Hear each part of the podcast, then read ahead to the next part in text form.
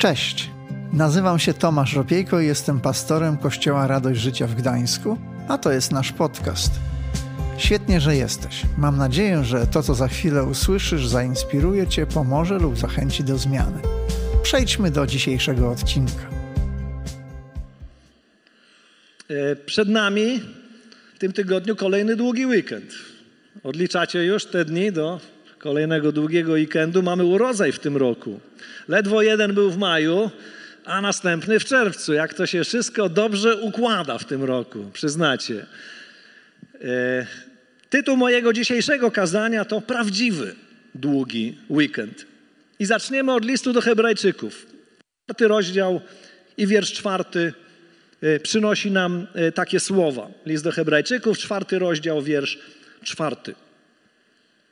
Bo tak powiedziano gdzieś o siódmym dniu tygodnia i odpoczął Bóg siódmego dnia od wszystkich swoich dzieł. Autor listu odnosi się do dzieła stworzenia. E, Przywołuje e, zdanie z księgi Genezis.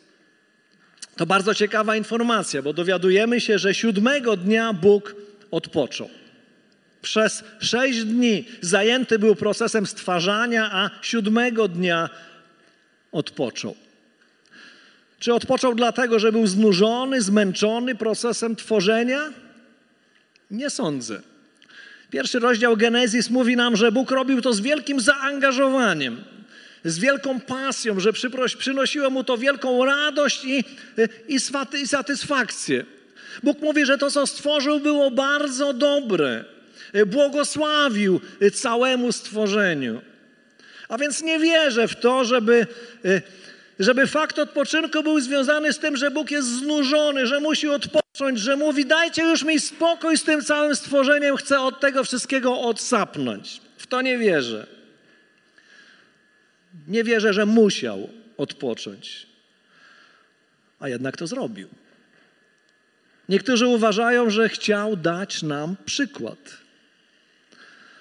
Nauczyć nas tego trybu praca, odpoczynek. Praca, odpoczynek. Czy my ludzie jesteśmy dość pojętni, żeby to zrozumieć, żeby to przyjąć? Jak patrzę na siebie, to mam wątpliwości. Bo nie zawsze odpoczywanie jest naszą mocną stroną i nie zawsze nauka tego przychodzi nam łatwo. Czasem wydaje się nam, że jesteśmy y, niezniszczalni. I dopiero jak przypłacimy coś własnym zdrowiem, to zdarza się nam zmądrzeć. Mamy nawet takie polskie przysłowie: mądry po szkodzie. Czasem wyginamy ten nasz patyk coraz bardziej i bardziej, aż pęknie. I wtedy okazuje się, że już nie można wrócić do tego, co było. Czasem testujemy naszą wytrzymałość aż do samej granicy, i dopiero kiedy nasz organizm się zbuntuje, uświadamiamy sobie, że przeholowaliśmy. Myślałem, że jeszcze to i tamto się da, ale okazało się, że już się nie da. To zastanawiające. Ostatnio słyszałem to od kilku osób, że nasza głowa nie nadąża za naszymi zmieniającymi się możliwościami. Zauważyliście? U Was też tak jest? Że mijają y, lata, a nam się wydaje, że my dalej możemy to, co mogliśmy 20 lat temu. I jesteśmy zaskoczeni faktem, o rany, do tej pory zawsze dawałem radę, dawałam radę, a to już nie mogę, już nie mogę 12 godzin pracować efektywnie. Kiedyś mogłem, kiedyś, kiedyś mogłam. Wiecie, jak mam wolny dzień, a biuro kościoła w poniedziałki jest, y, y, to znaczy jest czynne, ale pastorzy mają dzień wolny. Y, Kiedy w poniedziałek idę pracować do ogrodu, bo wszystko rośnie i trzeba to ogarniać, to najczęściej mój kręgosłup nie daje mi dokończyć mojej listy. Też tak macie? Że jeszcze chciałbym zrobić i to, i to, i tamto, ale po prostu nie da rady, nie ma siły. Na koniec jeszcze do tego wrócimy, ale, ale idźmy dalej. Hebrajczyków ten sam rozdział od, od dziewiątego wiersza czytajmy. A tak pozostaje jeszcze odpocznienie dla ludu Bożego. Kto bowiem wszedł do odpocznienia Jego, ten sam odpoczął od swoich dzieł, jak Bóg od swoich. Starajmy się tedy usilnie wejść do owego odpocznienia, aby nikt nie upadł, idąc za tym przykładem nieposłuszeństwa. No i teraz już odkrywamy, że ten czwarty wiersz, który przeczytaliśmy, był wstępem do tego, co autor chciał dalej powiedzieć. O odpoczynku innego rodzaju, o odpoczynku przez duże O. Wiersz dziesiąty mówi o odpoczynku od swoich dzieł, od swojego działania. Jak to rozumieć? W jakim sensie człowiek który wejdzie do jego odpoczynku, może odetchnąć od swojego działania. Czego to dotyczy? Czy to oznacza, że mamy wszelką aktywność zawiesić na kołku? Pozwólcie, że powiem o dwóch sferach niezwykle ważnych dla naszego życia. Pierwsza jest najważniejsza i dotyczy naszego zbawienia, Twojego i mojego zbawienia, a więc tego, gdzie spędzimy wieczność. Przez lata myślałem, że moje zbawienie zależy od moich uczynków. E, że gdy stanę kiedyś przed Bogiem, to On na swojej wadze zważy moje dobre i, i złe czyny. I w zależności od tego, która szala przeważy, tam spędzę wieczność. Tak myślałem. Czy jeszcze ktoś tak myślał o sobie? Tak? Niektórzy kiwają głowami, podnoszą ręce.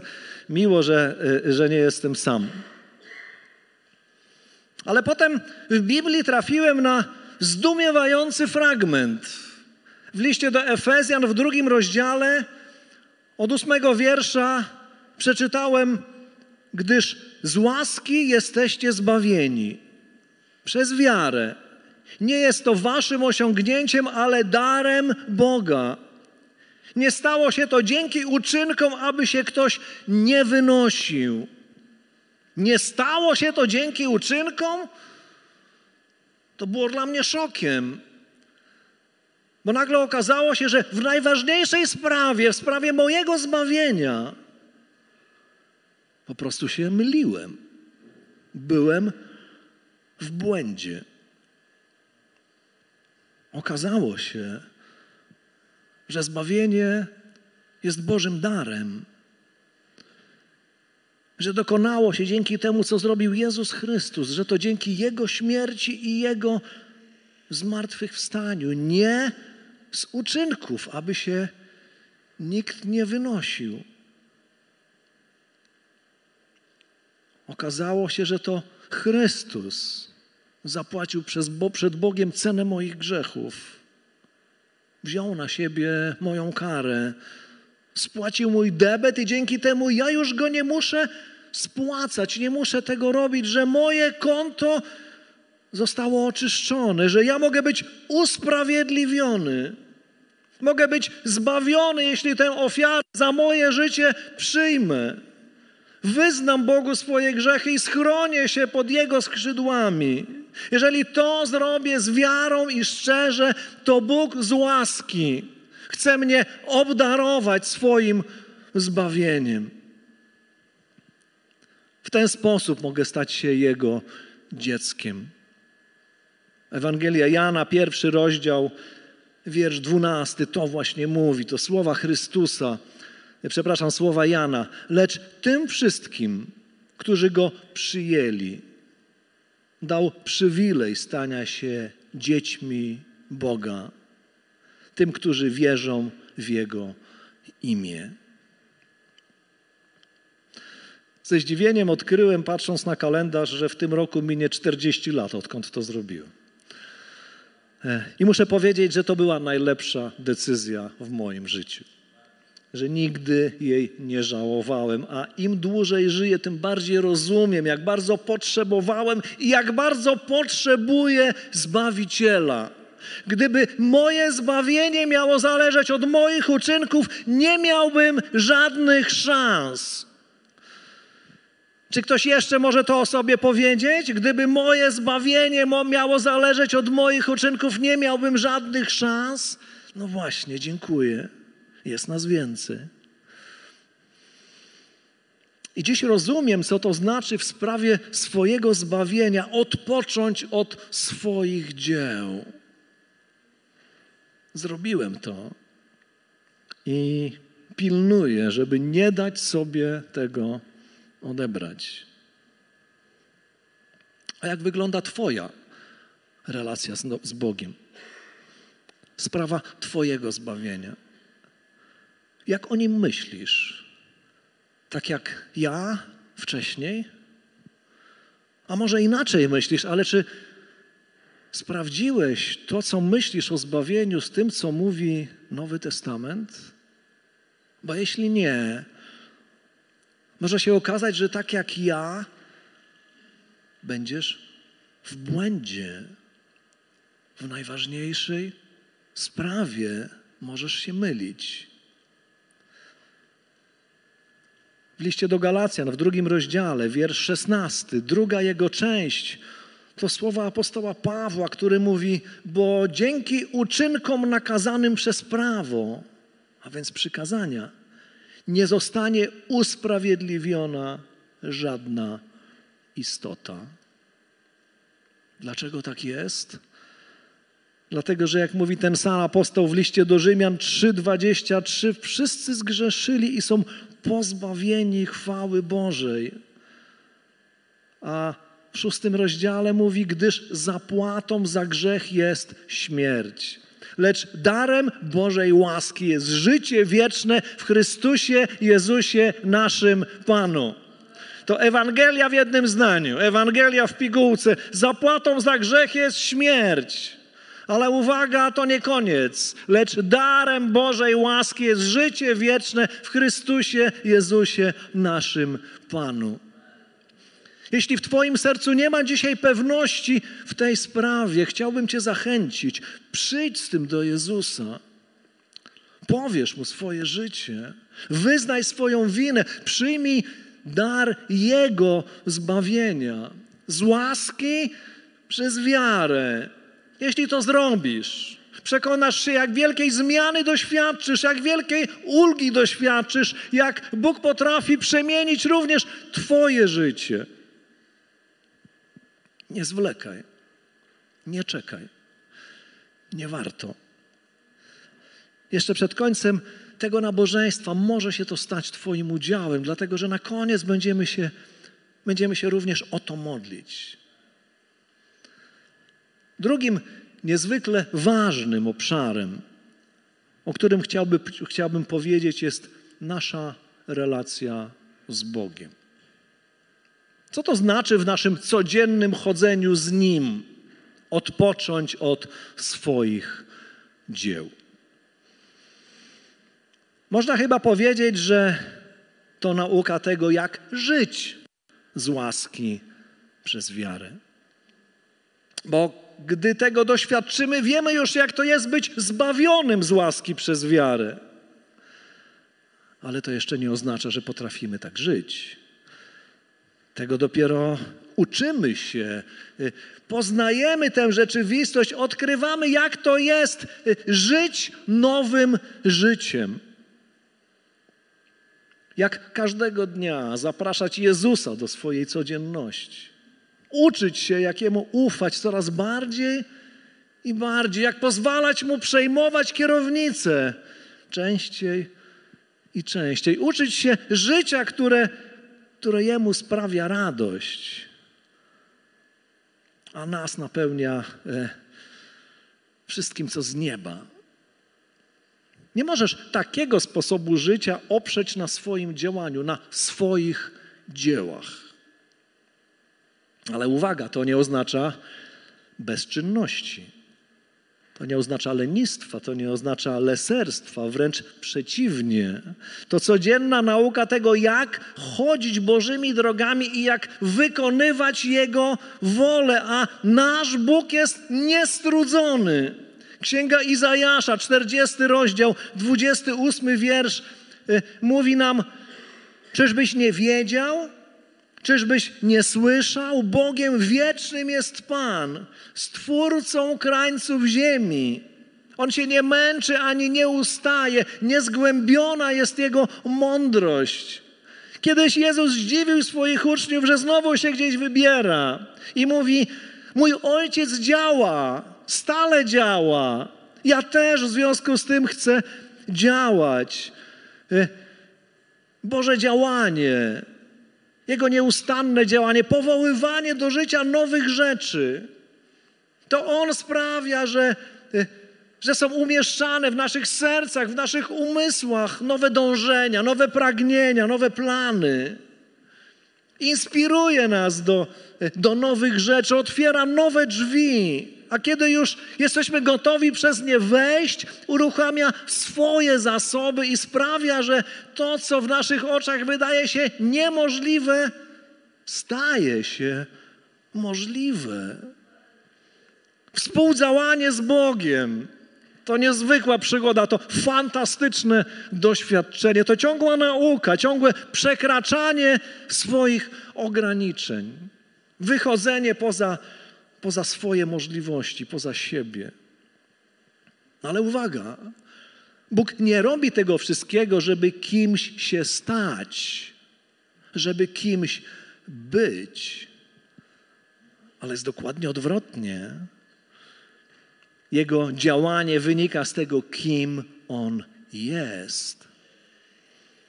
I tego musimy się od niego nauczyć. Z tym często mamy problem. Dlaczego? Dlatego, że my ludzie robimy różne rzeczy, dlatego, że chcemy się stać kimś. Naszą tożsamość opieramy na tym, co, co robimy. Dlatego bywa, że dobrze się czujemy, kiedy coś nam wychodzi, czujemy się, że coś znaczymy, czujemy się wartościowi, a gdy nie wychodzi, myślimy czasem, że że jestem do niczego, jestem nic nie warty. A to wielkie kłamstwo. I to może oznaczać, że budujemy na złym fundamencie, że swoją tożsamość, swoje poczucie osobistej wartości budujesz na swoich dziełach. A to strasznie niepewny fundament. Bo jeśli one idą dobrze, to masz się dobrze, jesteś kimś, w swoich oczach masz znaczenie, masz wartość. Ale co zrobić, jeśli nie idą? Jeśli Twoje zdrowie dotknie choroba, Twoją pracę recesja, Twoją rodzinę problemy finansowe, doświadczenie czy, czy, czy jakieś załamanie w relacjach. Czy to znaczy, że czasem jesteś coś warta, czasem nic nie wart? Przecież to absurd. Wiecie, to zadziwiające, ale bywa, że tak właśnie o sobie myślimy, że jak nam idzie dobrze, to czujemy się z sobą dobrze. Ale kiedy idzie źle, y, nie chcemy popatrzeć do lustra i myślimy, jestem do niczego, jestem nic nie warty, nic nie potrafię. A Bóg Ojciec ma dla Ciebie i dla mnie coś znacznie lepszego.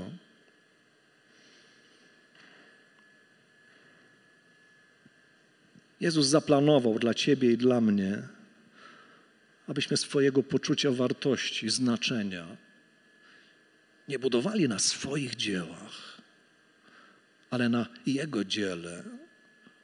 Nie na tym, co Ty możesz zrobić, ale na tym, co On zrobił dla Ciebie. Jezus przyszedł na świat, dlatego że każdy człowiek jest dla Boga niebywale cenny. On umarł za każdego i chce, żeby każdy człowiek mógł być zbawiony.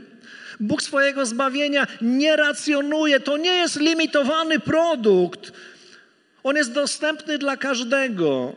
Każdy człowiek może Boże zbawienie otrzymać za darmo, bo Jezus zapłacił cenę swoim życiem. I Bóg z łaski jest gotowy dać je każdemu, kto w to uwierzy, kto się do Niego zwróci, kto, kto Go poprosi. Bóg w ten sposób pokazuje, jak bardzo ceni każdego człowieka, jak każdy człowiek jest dla Niego ważny. A co by było, gdybyśmy na tym oparli poczucie naszej wartości. Jeżeli codziennie, nie tracąc tego z oczu, nie dawali sobie tej prawdy wykraść, nie pozwalali sobie na myślenie, że jak mi idzie, to jestem kimś, a jak mi nie idzie, to jestem nikim, nic nie warty. A co by było, gdybyśmy odważyli się każdego dnia e, myśleć, że dzięki Jezusowi zawsze jesteś kimś, nie przestajesz być kimś, w Jego oczach jesteś kimś niezmiernie ważnym. Co by było, gdyby z tym poczuciem wartości zbudowanym na Jezusie z prawdy, że jestem dzieckiem Bożym, co by było, gdyby z tego wynikało wszystko, co robisz w pracy, w domu? W kościele. Inaczej mówiąc, co by było, gdybyśmy nie myśleli, że ciągle trzeba sobie zasługiwać na uwagę, szacunek, miłość Boga albo ludzi? Co by było, gdybyś prowadząc swoje chrześcijańskie życie, myślał stale i ciągle o tym, co kim On jest, a nie kim Ty jesteś. Jezus ma dla Ciebie i dla mnie miejsce prawdziwego odpoczynku. Odpoczynku od swojego działania. Ale to miejsce jest blisko Niego, w Jego obecności. Tak jak On nie jest zależny od tego, co robi i wie, jak to jest odpocząć od swoich dzieł, tak chce tego właśnie nauczyć Ciebie i mnie. Tego, żebyśmy Ty i ja nie wiązali efektów z takim prawidłowym, zdrowym obrazem siebie, ale żeby on był zbudowany na nim żebyśmy ze względu na Niego patrzyli i myśleli o sobie tak, jak On patrzy i myśli o Tobie. A niełatwo się tego uczymy i jesteśmy uparci. I ciągle, I ciągle na nowo włącza nam się ten paskudny program, że jestem coś warty, jak mi idzie. A jak coś nie idzie, to jestem nic nie warty. I diabeł strzela do ciebie jak do tarczy.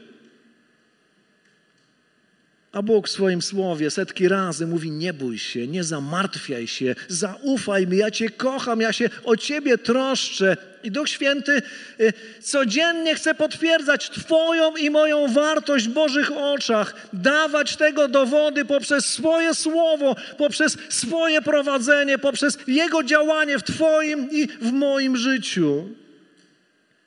A my jak Kubuś Puchatek, miś o małym rozumku, ciągle się zastanawiamy. Boże, za co Ty mnie kochasz?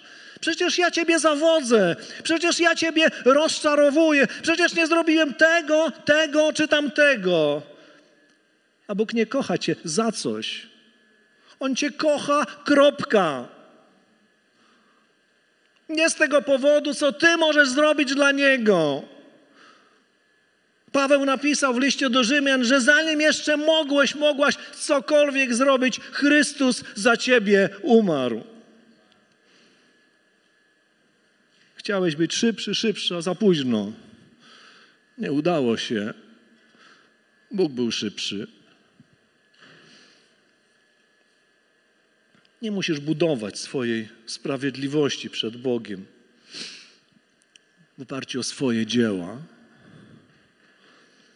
To, co zrobił Chrystus, zupełnie wystarczy.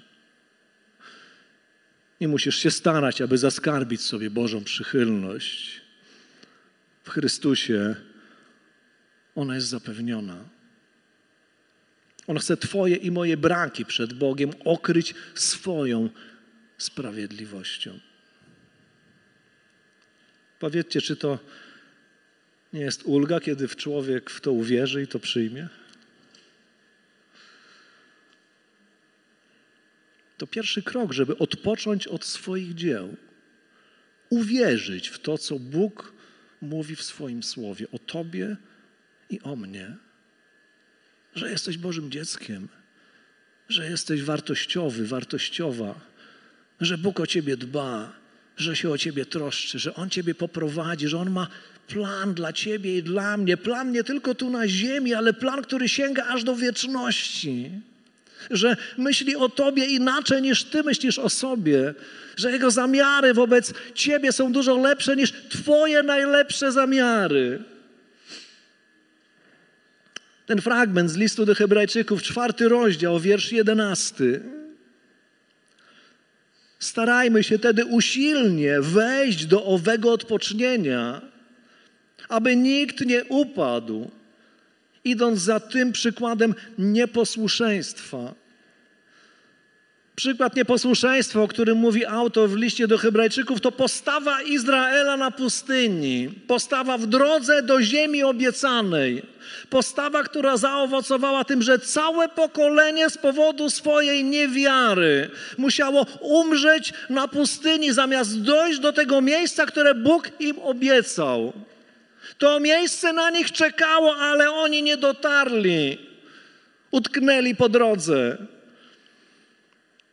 Ty i ja również możemy się błąkać po pustyni swoich własnych dzieł, którymi próbujemy zadowolić Boga, zyskać Jego przychylność, albo wejść do miejsca odpoczynku i cieszyć się Bożą łaską i przychylnością, która czeka w Chrystusie. To miejsce Bóg przeznaczył dla Ciebie i dla mnie. Autor mówi: starajmy się usilnie. To oznacza, że trzeba jakieś trudności pokonać, że trzeba e, w tej sprawie wykazać się e, czymś więcej, że to samo się nie stanie, samo nie przyjdzie, samo to przychodzi oskarżenie. To wezwanie do uruchamiania i używania swojej wiary w to, co Bóg mówi o Tobie i o mnie, bo bez wiary y, to miejsce odpoczynku jest zupełnie nieznanym lądem. A czasem trzeba stanąć przed lustrem i powiedzieć z wiarą, patrząc sobie w oczy, pomimo wszystko, pomimo tego, że czasem nawalam, pomimo tego, że czasem Boga zawodzę, Pomimo tego, że y, sam patrzę na siebie, nie jestem zachwycony. Pomimo tego wszystkiego y, wierzę, że Bóg mnie kocha, że On mnie zbawił y, i na tym chcę budować moją wartość, na tym chcę budować moje poczucie bezpieczeństwa. Ale wejść do miejsca odpoczynku nie znaczy nic nie robić. Bo kiedy już to wiesz, kiedy już tam jesteś, to robienie czegoś dla Boga staje się pasją i radością bo nie robisz, żeby kimś być, ale robisz dlatego, że jesteś. Nie robisz dlatego, że chcesz zyskać Bożą przychylność, ale że ją masz. Nie robisz dlatego, żeby Bogu się pokazywać z tego lepszego profilu, ale robisz ze świadomością, że On Ciebie przyjął w Chrystusie, zaakceptował, kocha Ciebie, że jesteś Jego ukochanym dzieckiem. Twoje serce jest uwolnione od przymusu i gotowe do wolności. Zupełnie inaczej żyje się, gdy wchodzisz do Bożego odpocznienia. Autor mówi: Jeśli tego nie zrobisz, możesz upaść, bo ciężar jest za duży. Bo nie w tym rzecz. Nie o to chodzi, żeby o własnych siłach nie o to chodzi, żeby w oparciu o swoje dzieła.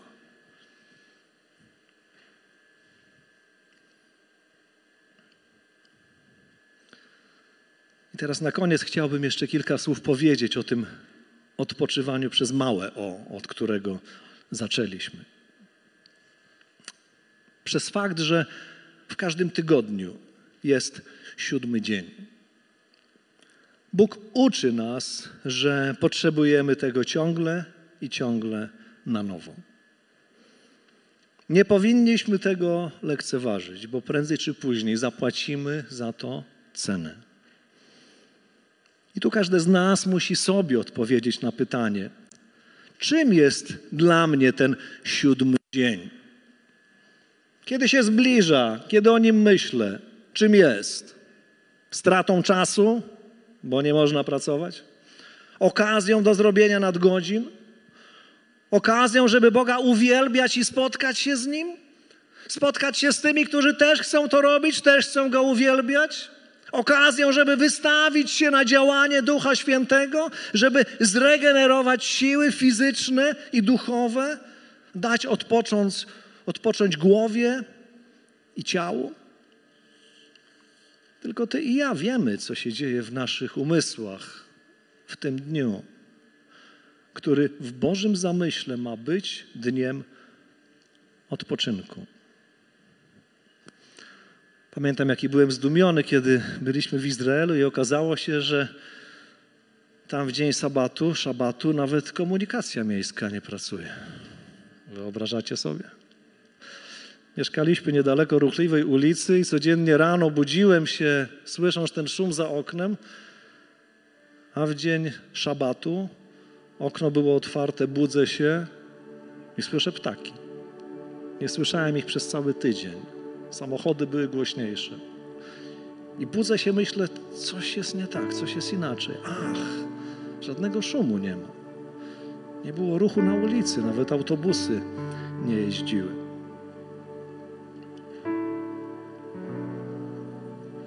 Jesteś gotowy, gotowa zdobyć się na odpoczywanie w ten dzień, zgodnie z Bożym planem?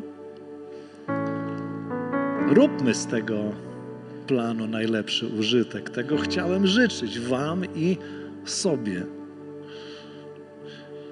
Z tym wiąże się też pewna zmiana, którą chcielibyśmy wprowadzić w miesiącach letnich, w lipcu i w sierpniu, w naszym kościelnym funkcjonowaniu w niedzielę. E, bo właśnie w lipcu i w sierpniu będziemy chcieli zapraszać Was e, w śródmieściu na jedno nabożeństwo, które będzie się odbywało o godzinie 10.30. To da nam okazję, żeby spotkać się razem w większym gronie. Pobyć wspólnie, poznać tych, którzy przychodzą na inną godzinę niż, niż Ty i ja. Zaplanowaliśmy też w lipcu i w sierpniu w niektóre niedziele grille po nabożeństwach i wszyscy będą mieli okazję w związku z tym wziąć w nich udział. Będziemy to zapowiadać. A więc będzie okazja być siebie bliżej, poznać siebie, odkryć, że e, ktoś również przychodzi w niedzielę na nabożeństwo do, do radości śródmieście. Chcielibyśmy też w wakacje trochę odciążyć tych, którzy każdej niedzieli są w kościele wolontariuszami i spędzają tu czasem pół dnia. Nie mówię o pracownikach, mówię o wolontariuszach.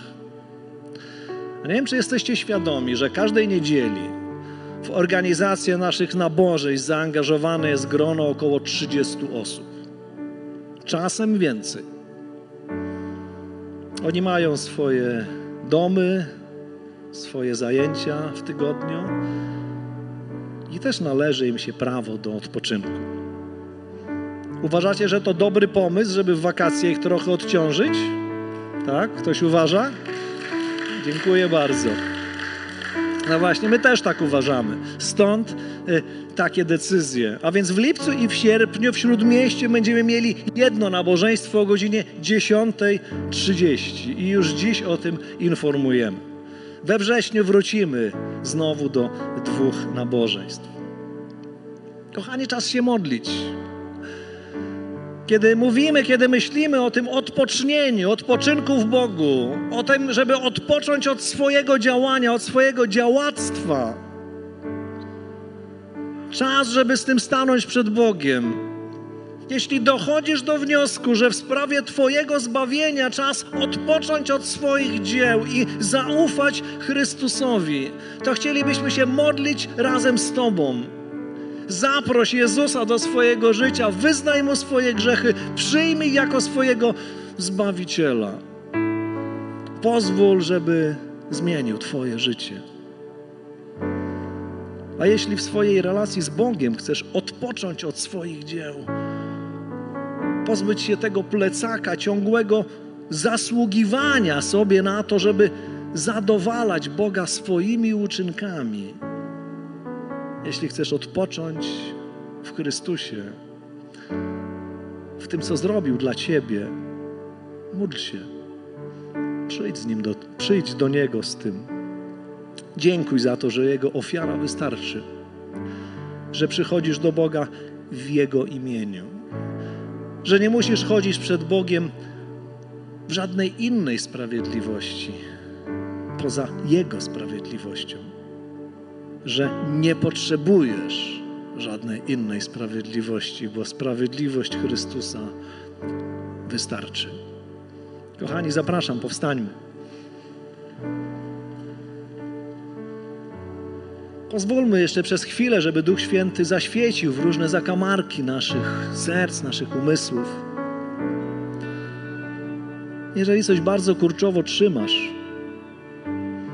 czas odpocząć. Przyjdź z tym do Jezusa.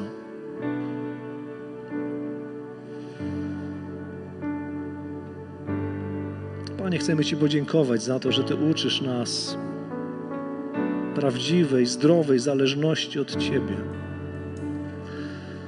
Zależności, która nie prowadzi do niewoli, ale prowadzi nas do wolności. Dziękujemy, Panie, że masz dla nas lepszy plan niż budowanie swojego życia, swojego poczucia wartości i znaczenia na tym, co sami jesteśmy w stanie zrobić. Dziękujemy, że masz dla nas coś dużo lepszego. Że prowadzisz nas do tego, abyśmy budowali nasze życie na Tobie, na Twoim fundamencie. Bo tylko On jest pewny, stabilny. Tylko budowla zbudowana na Tobie się ostoi. Panie, dziękujemy za to, że taki jest Twój zamiar, taki jest Twój plan, że powołałeś nas do pokoju, tak mówi Twoje słowo. Powołałeś nas do tego, żebyśmy zdjęli to, co jest jarzmem nie do zniesienia i przyjęli Twoje, które jest lekkie, które jest łatwe, które przynosi życie. Dziękujemy, Panie, za to. Modlę się o każdą osobę, która, która jest gotowa, Panie, aby wejść do tego miejsca odpoczynku, zdjąć z siebie to, co obciąża i przyjąć to, co mamy w Tobie. Panie, chcemy się też modlić o każdą osobę, która w sprawie swojego zbawienia jest gotowa odpocząć od swoich dzieł, zaufać Tobie, przyjść i powierzyć swoje życie w Twoje ręce, wyznać swoje grzechy i przyjąć sprawiedliwość, która, którą chcesz dać z łaski przez wiarę. Panie, chcemy błogosławić każdą taką osobę. Chcemy modlić się o tych, którzy są dzisiaj z nami tutaj y, na miejscu i tych, którzy są z nami online. Panie, pobłogosław każdą taką decyzję. Niech Twój święty duch przyjdzie ze swoim potwierdzeniem, ze swoją radością, ze swoim pokojem, ze swoją obecnością do życia każdej takiej osoby. Dziękujemy, Panie, za to, że jesteś tak niezwykłym Bogiem, że masz tak piękne plany wobec nas. Pomóż nam, Panie, nadążać za nimi. Dziękujemy za to, że jesteś z nami.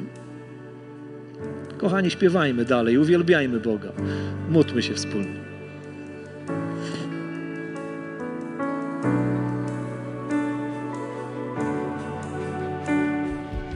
Dzięki, że zostałeś z nami do końca.